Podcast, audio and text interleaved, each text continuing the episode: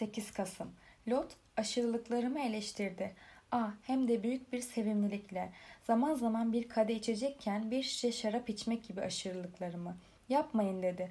Lot'u düşünün. Düşünmek dedim. Bana bunu hatırlatmanız gerekir mi? Düşünüyorum, düşünmüyorum. Zaten hep gözlerimin önündesiniz. Bugün geçenlerde sizin arabaya bindiğiniz yerde oturdum. Bu konuda ayrıntılara girmeyeyim diye başka bir şeylerden söz açtı. Dostum, gitmiş haldeyim. Bana her istediğini yapabilir. 15 Kasım. Bilham, içten ilgin, iyi niyetli övdüğün için sana teşekkür ediyorum. Ama sükunetini korumanı rica ediyorum. Bırak sabrımı deneyeyim. Tam bir hayat yorgunu olmama rağmen her şeyin üstesinden gelecek güce sahibim hala. Dine saygılı biri olduğumu sen de biliyorsun. Dinin bazı güçsüzler için bir dayanak, bazı susamışlar için serinletici bir içecek demek olduğunu biliyorum. Ancak herkes için böyle midir? Böyle olmalı mıdır? Kocaman dünyaya bakarsan binlerce kişi için böyle olmadığını görürsün. İnançlı olsun olmasın binlercesi için böyle olamayacağını görürsün. Peki benim için böyle olmak zorunda mı? Tanrı'nın oğlu bile babanın kendisine gönderdiklerinin kendi etrafında olacağını söylememiş miydi? Alt bilgi. Kutsal Kitap Yeni Ahit Yuhanna 6 Kitaba devam ediyorum. Ya ben henüz ona gönderilmemişsem ya kalbimin bana söylediği gibi baba beni kendisine saklıyorsa. Lütfen bunu yanlış yorumlama. Bu masum sözlerin altına bir alay yattığını düşünme. Sana ruhumu bütünüyle açıyorum. Yoksa susmayı yeğlerim. Herkesin benim gibi fazla bilgi sahibi olmadığı konularda ahkam kesmekten hoşlanmıyorum.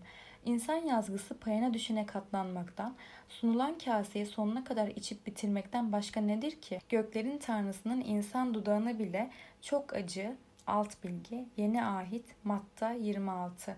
Kitaba devam ediyorum. Gelmişse neden büyüklük taslayıp benim için tatlı olduğunu söyleyeyim. Tüm varlığım olmakla olmamak arasında titrediği, geçmişin geleceğin karanlık uçurumunda bir şimşek gibi çaktığı ve etrafımdaki her şeyi ve etrafımdaki her şey gibi dünyanın benimle birlikte çöktüğü o korkunç anda neden utanayım? Kendi içinde hapsolmuş, kendinden yoksun ve önlenemez biçimde uçuruma sürüklenen insanın ruhunun derinliklerinde boşuna uğraş veren güçlerinin gıcırtılı sesi değil mi duyulan?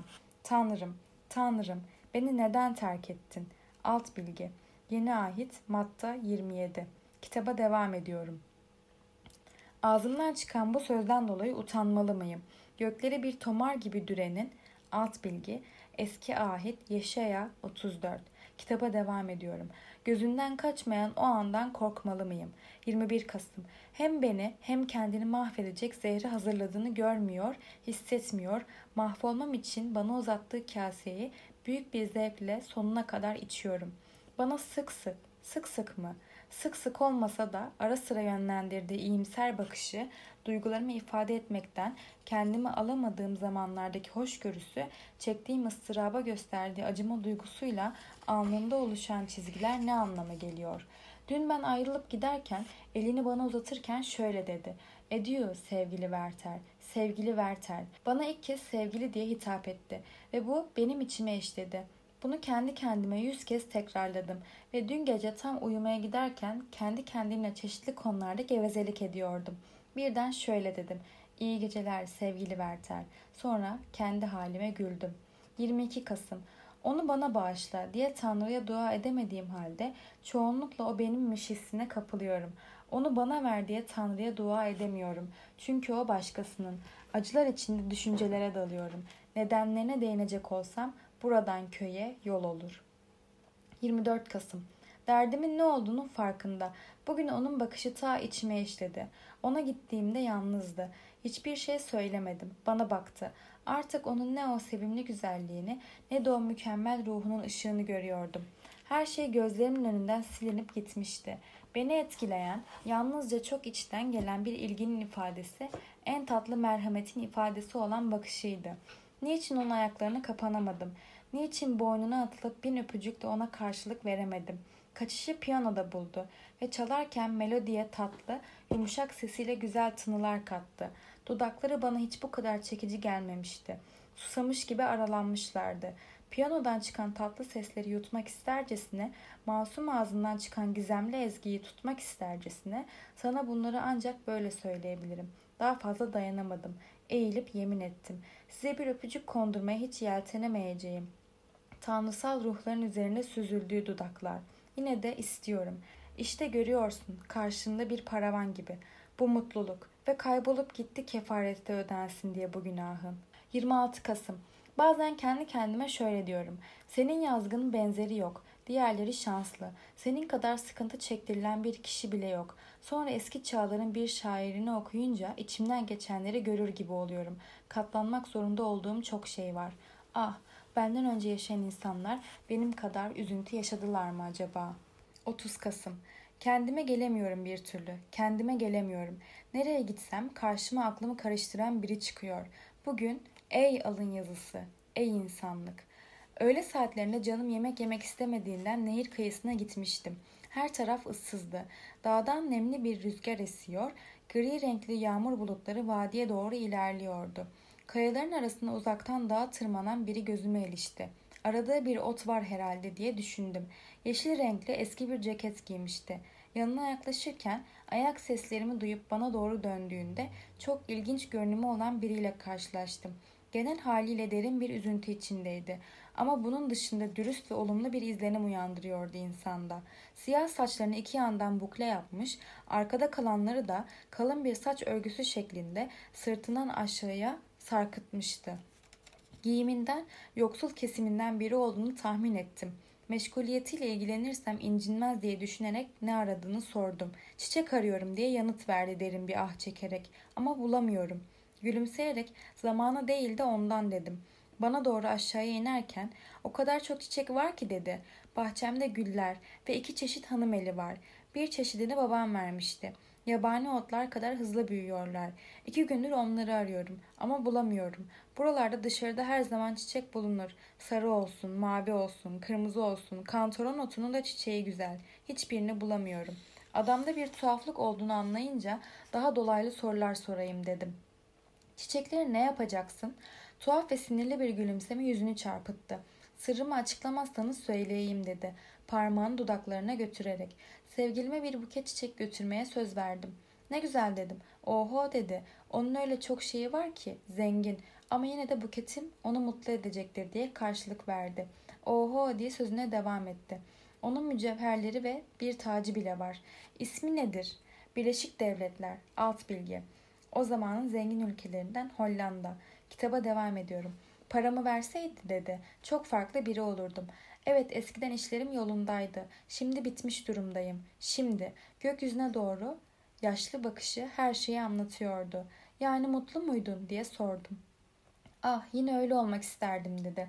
O zamanlar çok mutluydum. Denizdeki balık gibi çok neşeli, çok gamsız. Yoldan bize doğru gelen yaşlı kadın Henry diye seslendi. Henry nereye kayboldun? Her yerde seni aradık yemeğe gel. Oğlunuz mu diye sordum ona doğru yaklaşırken. Elbette zavallı oğlum diye karşılık verdi. Tanrı alın yazısını kötü yazmış. Ne zamandır böyle? diye sordum. Bu kadar içe dönük dedi. Altı aydır. Bu duruma gelmiş olmasına şükrediyorum. Öncesinde bir yıl kadar cinnet halindeydi. O zaman tımarhanede zincire vuruldu. Şimdi kimseye bir zararı yok. Ancak hep krallar ve imparatorlarla meşgul. Öyle iyi ve uysal bir insandı ki geçinmeme yardım ediyordu. Çok güzel bir el yazısı vardı. Birden dalgınlaştı. Hümaya yakalanıp aklını yitirdi. Şimdi onu gördüğünüz hale geldi. Her şeyi anlatacak olsam bayım. Nefes almadan sürdürdüğü konuşmasını şu soruyla kestim.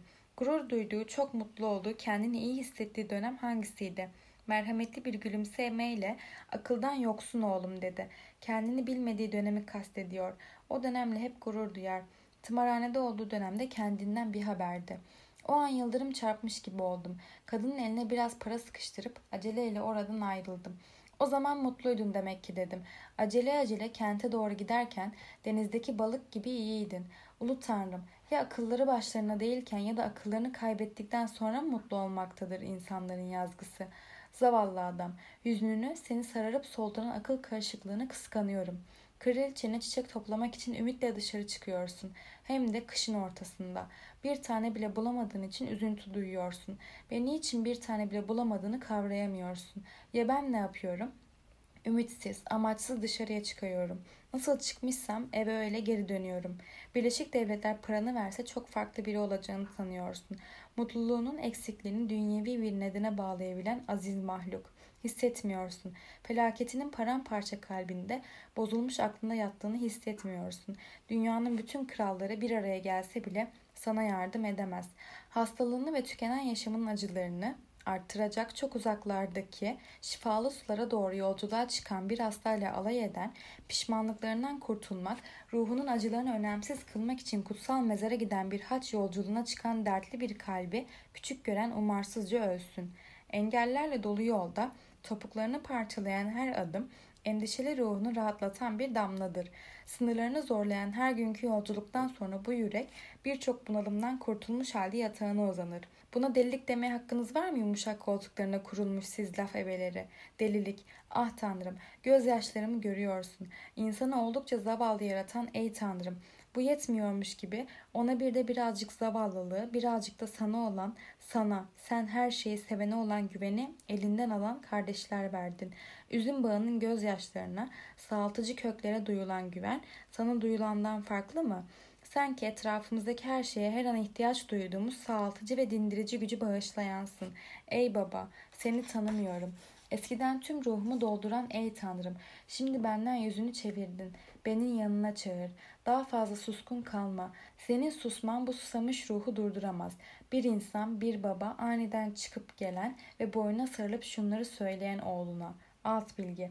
Kutsal Kitap Yeni Ahit Luka 15 Kitaba devam ediyorum. Kızabilir mi? İşte yine buradayım baba. Yolculuğumu senin istediğin kadar uzatmayıp yarıda kestim diye kızma bana. Dünyaya her yerde aynı iş ve güç karşılığında para ve sevinç elde ediyorsun. Ama bütün bunlar benim için ne ifade ediyor? Sen neredeysen ben orada iyiyim. Acı çekeceksem, haz duyacaksam senin gözlerinin önünde olmalı. Ve sen sevgili Göksel babamız, kovar mıydın onu? 1 Aralık Wilhelm, sana sözünü ettiğim o mutlu bahtsız adam Lot'un babasının yanında katipmiş. Lot'a bir aşk beslemiş. Önce kimselere söylememiş. Sonra aşkını ilan edince görevinden atılmış ve bundan dolayı cinnet geçirmiş. Okuduğum bu olayı Albert bana aynı kayıtsız tavırla anlattı. Bu kuru sözcükler yüzünden bu olayın beni ne kadar derinden etkilediğini anlamanı isterim. 4 Aralık. Senden rica ediyorum. Görüyorsun bitmiş haldeyim. Daha uzun süre dayanamayacağım. Bugün onun yanında otururken, otururken piyanosunda zengin melodiler çaldı hem de çok manalı bir biçimde. Çok, çok. Ne istiyorsun? Kız kardeşi oyuncak bebeğini dizimin üstünde süslüyordu. Gözlerim doldu. Eğilince alyansını gördüm. Gözyaşlarımı tutamadım. Aniden çok tatlı o eski melodiye geçti. Öylesine birdenbire bir teselli duygusu ve geçmişe, şarkıyı ilk duyduğum can sıkıntısının olmadığı hüzünlü zamana, hayal kırıklıklarına dair anılar ruhuma eşledi ve sonra odanın içinde bir aşağı bir yukarı gidip gelmeye başladım. Düşüncelerimden gelen baskı yüreğimi sıkıştırdı. Tanrı aşkına dedim. Sinirli bir sesle ona doğru yaklaşırken Tanrı aşkına kesin. Durdu ve sabit bakışlarla bana baktı. Werther dedi. İçime işleyen bir gülümsemeyle Werther, siz çok hastasınız. En çok sevdiğiniz şeyler bile size tiksinti uyandırıyor.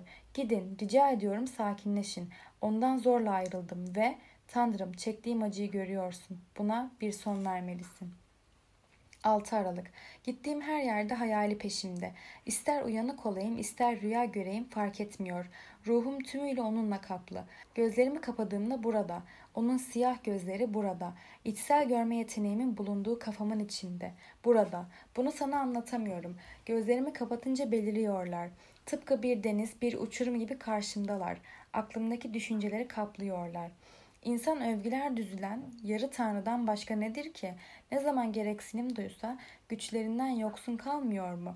İster sevinçten uçsun, ister üzüntüden ölsün, her iki durumda da sonsuzluğun zenginliğiyle kendini yitirme özlemi duyup o soğuk ve hissiz bilince yeniden kavuşturulduğu anda engellenmiş olmuyor mu?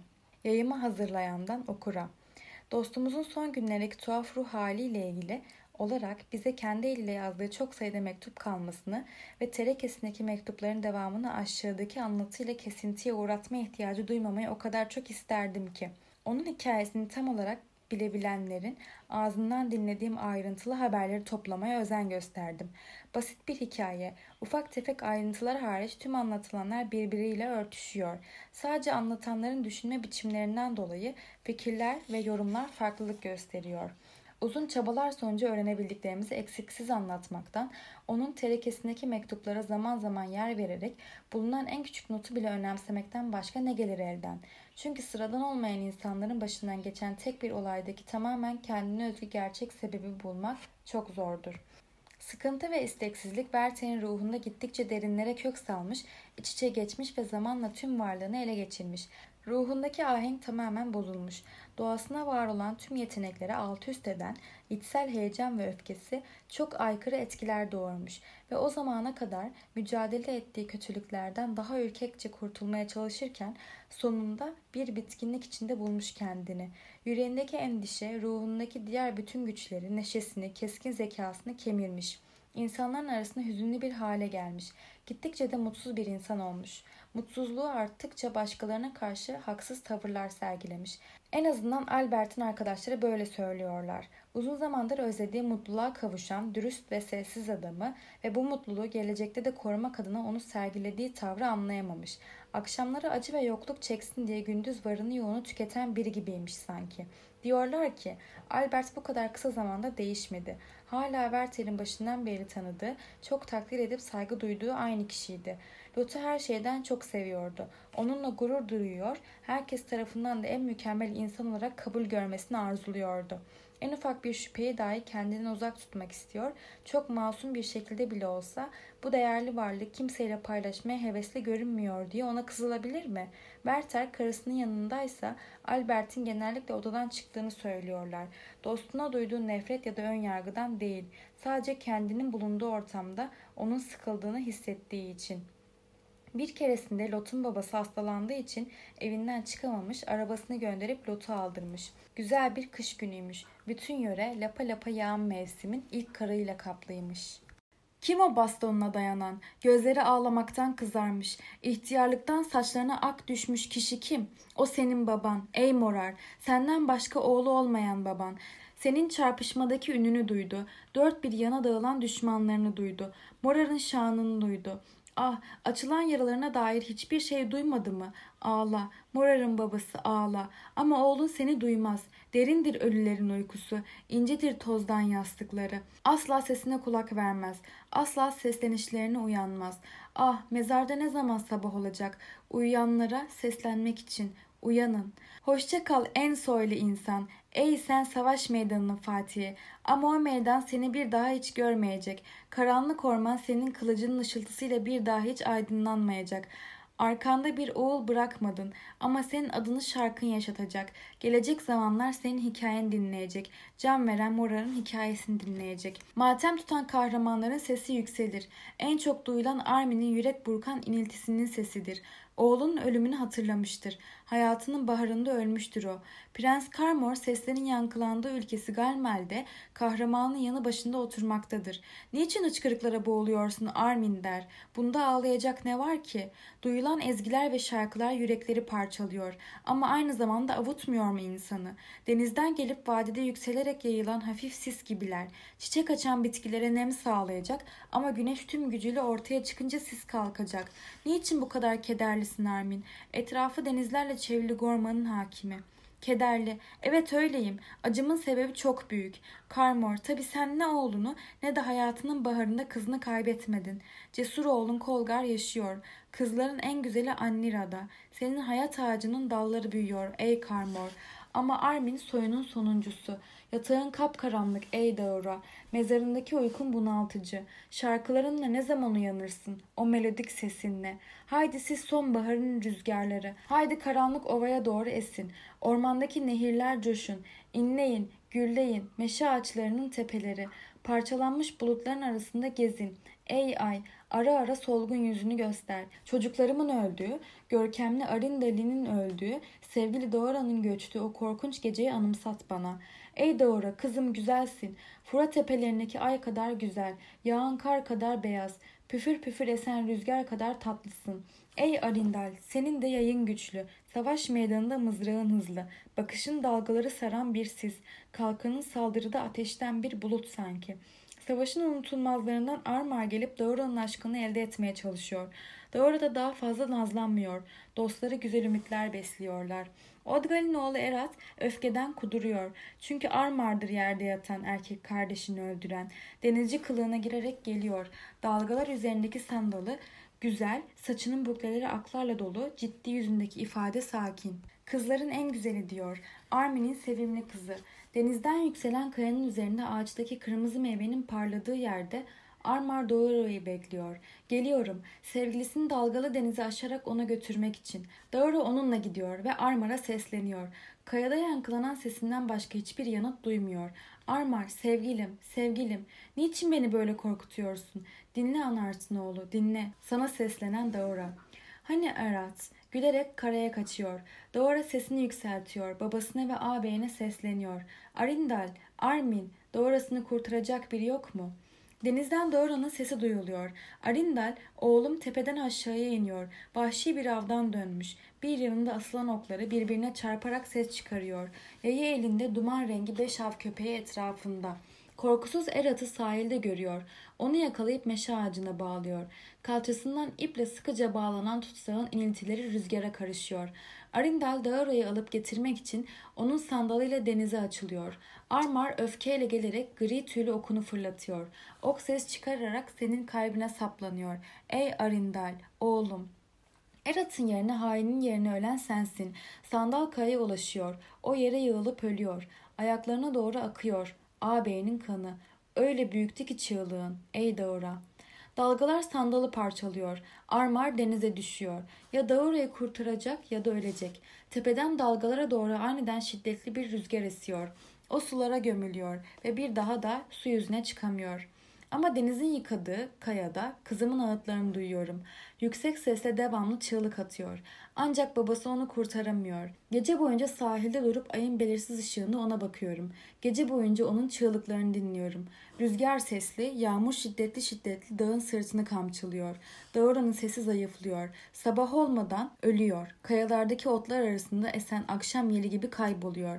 Keder içinde ölüyor ve Armin'i yalnız bırakmıyor. Savaş meydanındaki gücüm yok artık. Kızların arasında gurur kaynağım olan kızım öldü. Dağda fırtına çıkınca, şimal rüzgarı dalgaları yükseltince, seslerin yankılandığı sahilde oturur, o korkunç sahile bakarım. Alçalan ayda sık sık çocuklarımın hayaletlerini görürüm. Alaca karanlıkta hüzünlü bir uyum içinde birlikte gezinirler.''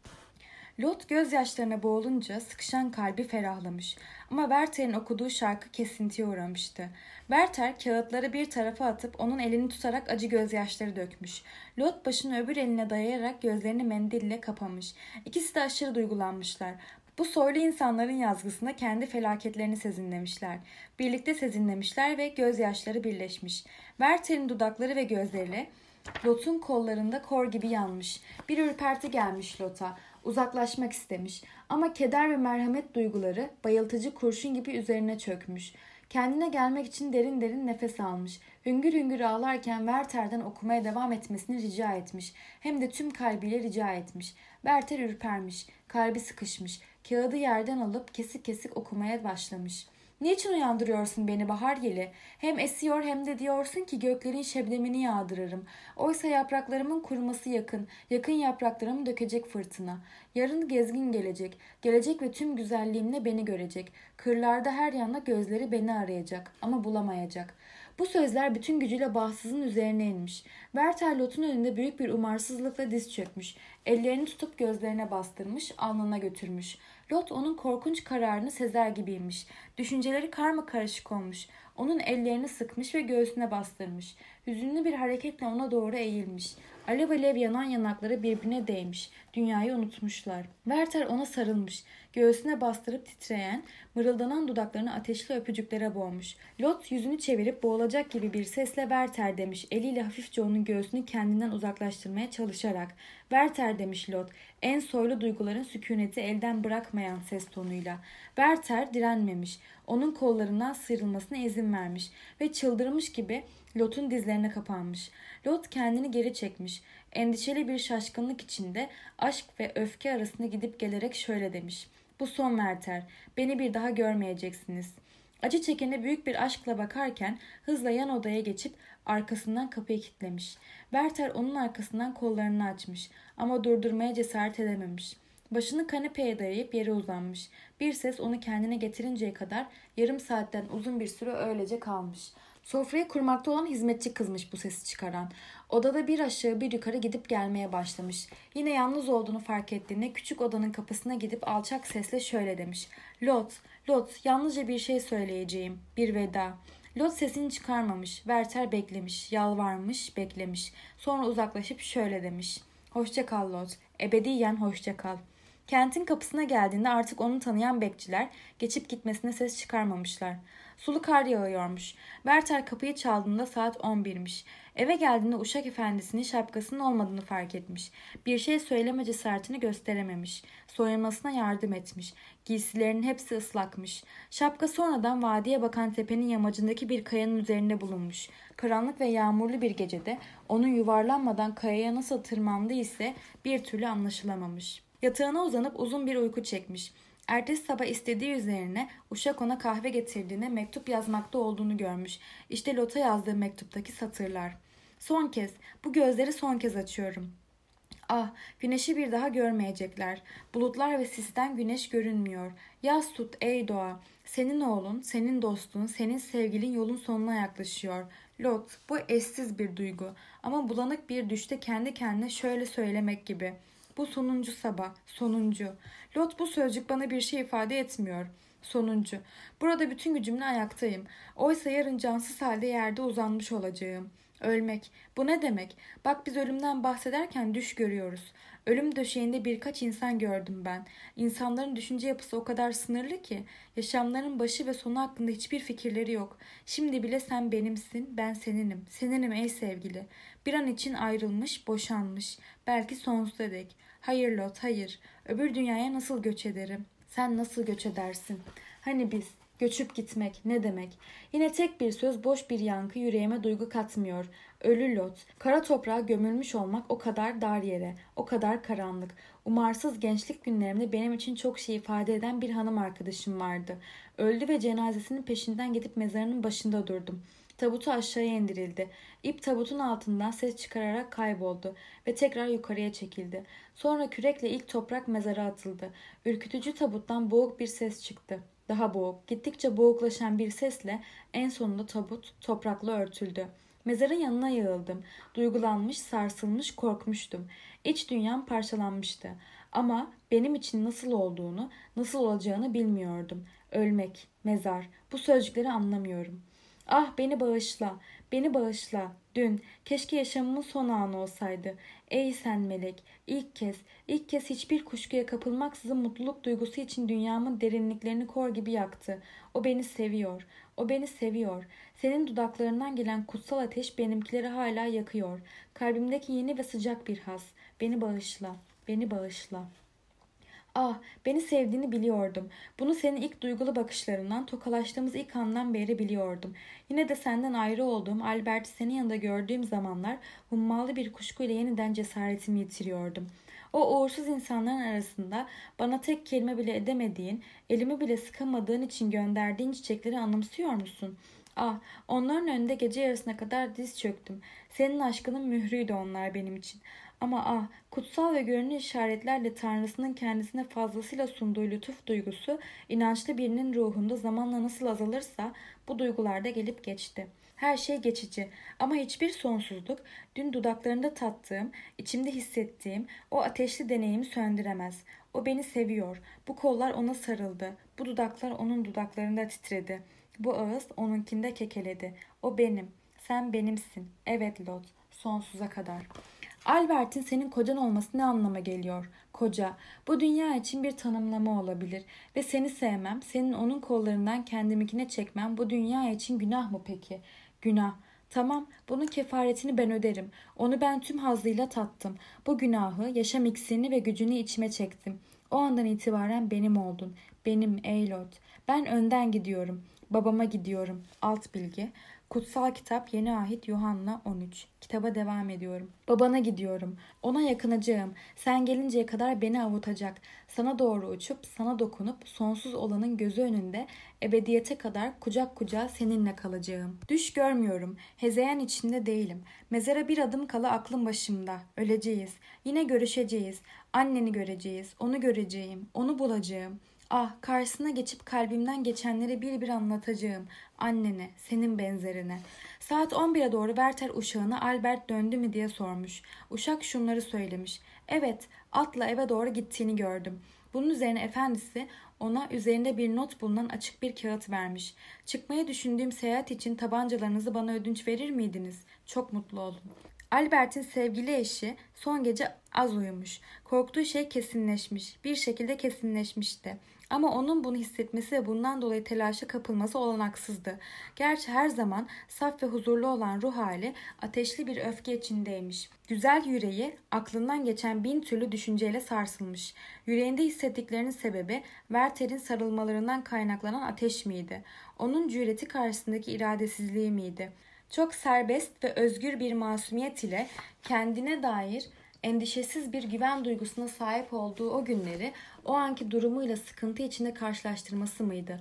Kocasını nasıl karşılayacaktı? Yaşadığı olayı tüm ayrıntılarıyla anlatması gerekirken anlatma cesaretini gösteremeyeceği kocasını nasıl karşılayacaktı? İkisi de uzun süredir suskundular. Suskunluğu ilk kendisi mi bozacaktı? Hem de kocasına hiç de uygun olmayan bir zamanda bu kadar beklenmedik bir açıklamayı mı yapacaktı? O ani felaketi anlatmak şöyle dursun, sadece Werther'in ziyaret haberini vermenin bile onu olumsuz etkileyeceğinden korkuyordu. Kocasının kendisini hiç yanlış anlamayacağını, ön yargısız kabulleneceğini umabilir miydi? Kocasının içinden geçenleri anlamasını dileyebilir miydi? Bir de karşısında her zaman kristal kadar şeffaf ve özgür durduğu, hiçbir düşüncesini asla gizlemediği, gizlemeyeceği kocasına karşı iki yüzlülük edebilir miydi?'' Birbiri ardına gelen bu düşünceler onun sıkılmasına neden olmuş, kendisi için yitik olan bırakamayacağı maalesef kendi haline bırakmak zorunda olduğu, kendisini kaybederse hiçbir dayanağı kalmayacak olan Mertel'e dönüyormuş düşünceleri durmadan. Kendini o an açıklayamasa da aralarındaki iletişimsizlik üzerinde büyük bir ağırlık oluşturmuş. Bu kadar anlayışlı ve iyi insanlar olmalarına rağmen gözle görülmeyen farklılıklar nedeniyle susmaya başlamışlar.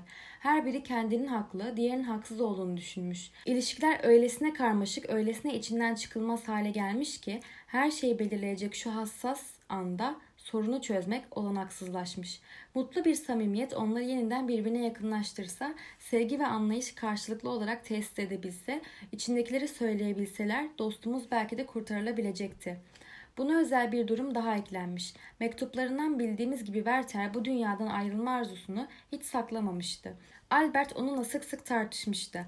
Ayrıca Lot ile kocası arasında bu konuyla ilgili olarak zaman zaman konuşmalar yapılmıştı. Böyle bir eyleme kesinlikle karşı olan Albert aslında kişiliğine ters düşse de bir tür hassasiyetle böyle bir niyetin ciddiyetinden çok kuşku duyduğuna dair sebepleri olduğunu defalarca açıklamaya çalışmıştı. Hatta bununla ilgili bazı şakalar yapmış, böyle bir şeyin olabileceğine inanmadığını Lot'a söylemişti. Kötü düşünceleri Lot'u karamsar bir tabloya sürüklerken Albert'in bu sözleri onu bir yandan rahatlatıyordu. Ama diğer yandan tam da bu sebeple o andaki bunaltıcı endişelerini kocasına söylemek konusunda kendisini engellemiş hissediyordu. Albert eve döndüğünde Lot onu mahcup bir telaşla karşılamış, kocası işlerini halledemediğinden neşeli değilmiş. Komşu yerleşimdeki yargıcın inatçı ve dar görüşlü biri olduğunu anlamış. Ayrıca yolun kötü olması canını sıkmış. Kendisi yokken neler olup bittiğini sorunca Lot aceleyle Werther dün akşam buradaydı demiş. Albert mektup var mı diye sormuş. Yanıt olarak gelen paketlerle birlikte bir mektubun odasına konulduğunu söylemiş. Albert odasına gidince Lot yalnız kalmış. Sevdiği ve saydığı kocasının varlığı kalbine yeni bir his uyandırmış. Onun yüce gönüllülüğünü, aşkını, iyiliklerini hatırlamak Lot'un ruhunu daha çok sakinleştirmiş. Onun arkasından gitmek için gizli bir arzu duymuş. El işini yanına alıp her zamanki gibi Albert'in odasına gitmiş. Onun paketleri açıp okumakla meşgul olduğunu görmüş. Bazıları pek sevindirici şeyler gibi görünmemiş gözüne. Lot birkaç soru sormuş. Albert kısa kısa yanıtlar verip yazı yazmak üzere masaya geçmiş. Bu şekilde bir saati yan yana geçirmişler. Lot'un ruhu gittikçe karamsar bir hale bürünmüş. Albert'in neşesi tamamen yerinde olsa bile kendisi için önemli şeyleri ona söylemekte çok zorlanacağını hissediyormuş. Böyle bir şeyi saklamaya ve gözyaşlarına engel olmaya çalışırken endişesini artıran bir hüzne kapılmış. Berter'in uşağının gelmesi de onu iyice bunalıma sokmuş. Uşak elindeki notu Albert'e uzatınca Albert kayıtsız bir tavırla karısına dönüp şöyle demiş. Tabancaları ona ver. İyi seyahatler dilediğimi iletin demiş delikanlıya. Lot yıldırım çarpmış gibi olmuş. Ayağa kalkıp kalkmamakta tereddüt geçirmiş. Kendisinin neler olduğunu bilmiyormuş. Yavaşça duvara doğru yürümüş. Titreyerek silahları indirmiş. Tozlarını almış ve duraksamış. Albert soru soran bakışlarla kendisini sıkıştırmasa kararsızlığı daha da sürecekmiş. Bir söz bile demeden uğursuz silahları delikanlıya vermiş. Uşak evden çıkıp gidince el işini toplayıp karışık duygularla odasına geçmiş. Neredeyse kocasının ayaklarına kapanıp ona her şeyi, dün akşam olanları, suçunu ve sezgilerini anlatacakmış. Sonra bu girişiminde bir işe yaramayacağını anlamış. Kocasını Werther'e gitmeye ikna etme ümidi çok zayıfmış. Sofra kurulmuş. Yalnızca bir şey sormak için uğrayan bir kız arkadaşı hemen gidecekken yemeğe kalmış ve sofradaki sohbeti biraz olsun katlanılır kılmış. Kendilerini zorlamışlar, konuşmuşlar, anlatmışlar. Sorunlarından uzaklaşmışlar. Uşak tabancalarla geldiğinde Werther onlara Lot'un verdiğini duyunca silahları büyük bir sevinçle eline almış. Kendisine ekmek ve şarap getirtip yemeğe gitmesi için uşağa izin vermiş ve oturup yazmaya başlamış. Senin eline değdi bu silahlar. Tozlarını almışsın. Onları bin kez öptüm. Çünkü sen onlara dokundun. Ve sen göksel varlık. Kararımı onaylıyorsun. Ve sen Lot. Ölümümün elinden olmasını istediğim sen. Bana silahları yolluyorsun. Ben de alıyorum. Ah öleceğim. Ah uşağımı sorguya çektim. Silahları ona verirken titremişsin ama bir veda sözcüğü bile etmemişsin. Alacağın olsun, alacağın olsun. Bir hoşça kal bile yok öyle mi? Beni sonsuza dek sana bağlayan o an yüzünden kalbinin kapılarını bana kapattın mı? Lot, bin yıl geçse bile o iz silinmez. Senin için yanıp tutuşan bu kişiden nefret edemeyeceğini hissediyorum. Yemekten sonra uşağa bütün valizleri toplamasını emretmiş. Birçok kağıt yırtmış. Dışarıya çıkıp ufak tefek borçları kapatmış. Tekrar eve gelmiş. Yine dışarı çıkıp kentin kapısına doğru yürümüş. Yağmura aldırış etmeden kontun yaptırdığı parka gitmiş. Sonra oralarda dolaşmış ve gece çökmek üzereyken geri dönüp yazı yazmayı sürdürmüş. Wilhelm, son kez kırlara, ormana, gökyüzüne baktım. Sen de hoşça kal. Sevgili anneciğim, beni affedin. Onu teselli et Wilhelm. Tanrı sizi korusun. Bütün işlerimi hallettim. Hoşça kalın. Yine görüşeceğiz. Hem de daha mutlu olarak. Sana kötülük ettim. Albert beni bağışla. Yuvanın huzurunu kaçırdım. Aranızdaki güven duygusunu sarstım. Hoşça kal. Bu duruma son veriyorum. Ah, ölümüm size mutluluk getirsin. Albert, Albert, o meleği mutlu et. Böylelikle Tanrı lütfunu senden esirgemez.'' Akşam uzun süre kağıtlarla uğraşmış. Birçok şeyi yırtıp sobaya atmış. Wilhelm'ın adresinin yazılı olduğu birçok paketi mühürlemiş. İçlerinde kısa makaleler, kesik kopuk düşünceler varmış. Bunların bazılarını ben de gördüm. Saat 10'da sobanın ateşini takviye ettirdikten ve kendisine bir şişe şarap getirttikten sonra uşağı uyumaya göndermiş.'' Onun odası da diğer çalışanların yatak odaları gibi dışarıda, evin arka tarafında epeyce uzaktaymış. Uşak sabah vakitten kazanmak için elbiseleriyle yatağa uzanmış. Çünkü efendisi ona posta arabasının altıdan önce evin önüne geleceğini söylemiş. 11'den sonra. Etrafımdaki her şey öyle sessiz, ruhum öyle huzurlu ki şükür sana Tanrım. Son anlarımda bu sıcaklığı, bu gücü bana bağışladığın için.'' Pencereden bakıyorum. En değerlim benim gelip geçen fırtınalı bulutların arasından sonsuz gökyüzünün yıldızlarını bir bir görüyorum. Hayır, siz düşmeyeceksiniz. Sonsuz olan sizi bağrına basacak. Beni de. Yıldızlar içinde en sevdiğim büyük ayıyı görüyorum. Geceleri senden her çıktığımda bahçe kapısının önüne varınca hep karşıma çıkardı. Büyük bir esriklik içinde ona defalarca bakar, birçok kez yukarıya kaldırdığım ellerimle onu o anki mutluluğumun simgesi, ilahi bir sembolü olarak görürdüm. Ayrıca Eylot seni bana anımsatmayan bir şey var mı acaba? Her yanımda sen yok musun? Ey Azize dokunduğun her şeyi önemsiz bile olsa doyumsuz bir çocuk gibi zorla sahiplenmedin mi?'' Tatlı silüet portren. Vasiyetim onun sana geri verilmesi Lot. Lütfen ona değer ver. Üzerine binlerce binlerce öpücük kondurdum. Her dışarıya çıkışta, her eve gelişte ona el salladım. Yazdığım küçük notta babandan cenazemde ilgilenmesini rica ediyorum. Kilisenin mezarında iki tane ıhlamur ağacı var. Arka tarafta kırlara bakan köşede oraya gömülmek istiyorum. Bunu dostu için yapabilir, yapacaktır. Sen de ondan ricada bulun. Dindar Hristiyanların bedeni zavallı talihsiz bir adamın yanında yatmak zorunda kalmasın. Ah, keşke beni yol kenarına ya da ıssız vadiye gömseler. Rahipler ve Levililer mezar taşımın önünde istavroz çıkararak geçip gitse. Samiriyeliler de gözyaşı dökse. Alt bilgi. Kutsal kitap Yeni Ahit Luka 10. Kitaba devam ediyorum. Burada Lot, ölümün esrikliğini içeceğim, soğuk ve korkunç kaseyi tutmak beni ürpertmiyor. Alt bilgi. Yeni Ahit Yuhanna 18. Kitaba devam ediyorum. Onu bana uzatan sensin. Ben de almazlık etmiyorum. Hepsi, hepsi. Böylelikle yaşamımdaki arzu ve isteklerimin hepsi gerçekleşti. Ölümün tunçtan kapısını bu kadar soğukkanlı, bu kadar sakin çalabilmek.'' Senin uğruna ölmek, senin uğruna kendimi feda etmek mutluluğuna erebileceğim Lot. Yaşamında yeniden huzur ve mutluluğu bulmanı sağlayacaksa korkusuz ve mutlu giderim. Ama ah, sevdikleri için kanını akıtan, ölerek dostlarına yeni ve renkli bir yaşam hazırlayan çok az sayıda değerli insana nasip olur bu.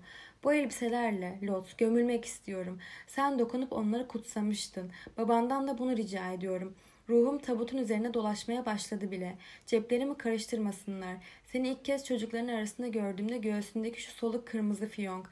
Ah çocukları bin kere öp ve onlara bahtsız dostunun yazgısını anlat.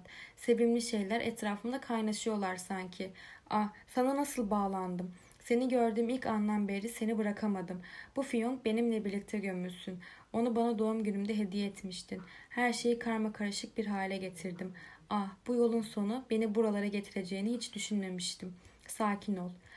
Silahlar dolu. Saat 12'yi vuruyor. Buraya kadarmış. Lot, Lot. Hoşça kal. Hoşça kal. Bir komşu baruttan çıkan ateşi görmüş. Patlamayı eşitmiş. Her şey sessizliğe büründüğünden üstünde durmamış. Sabahleyin saat 6'da uşak lambayla içeri girmiş.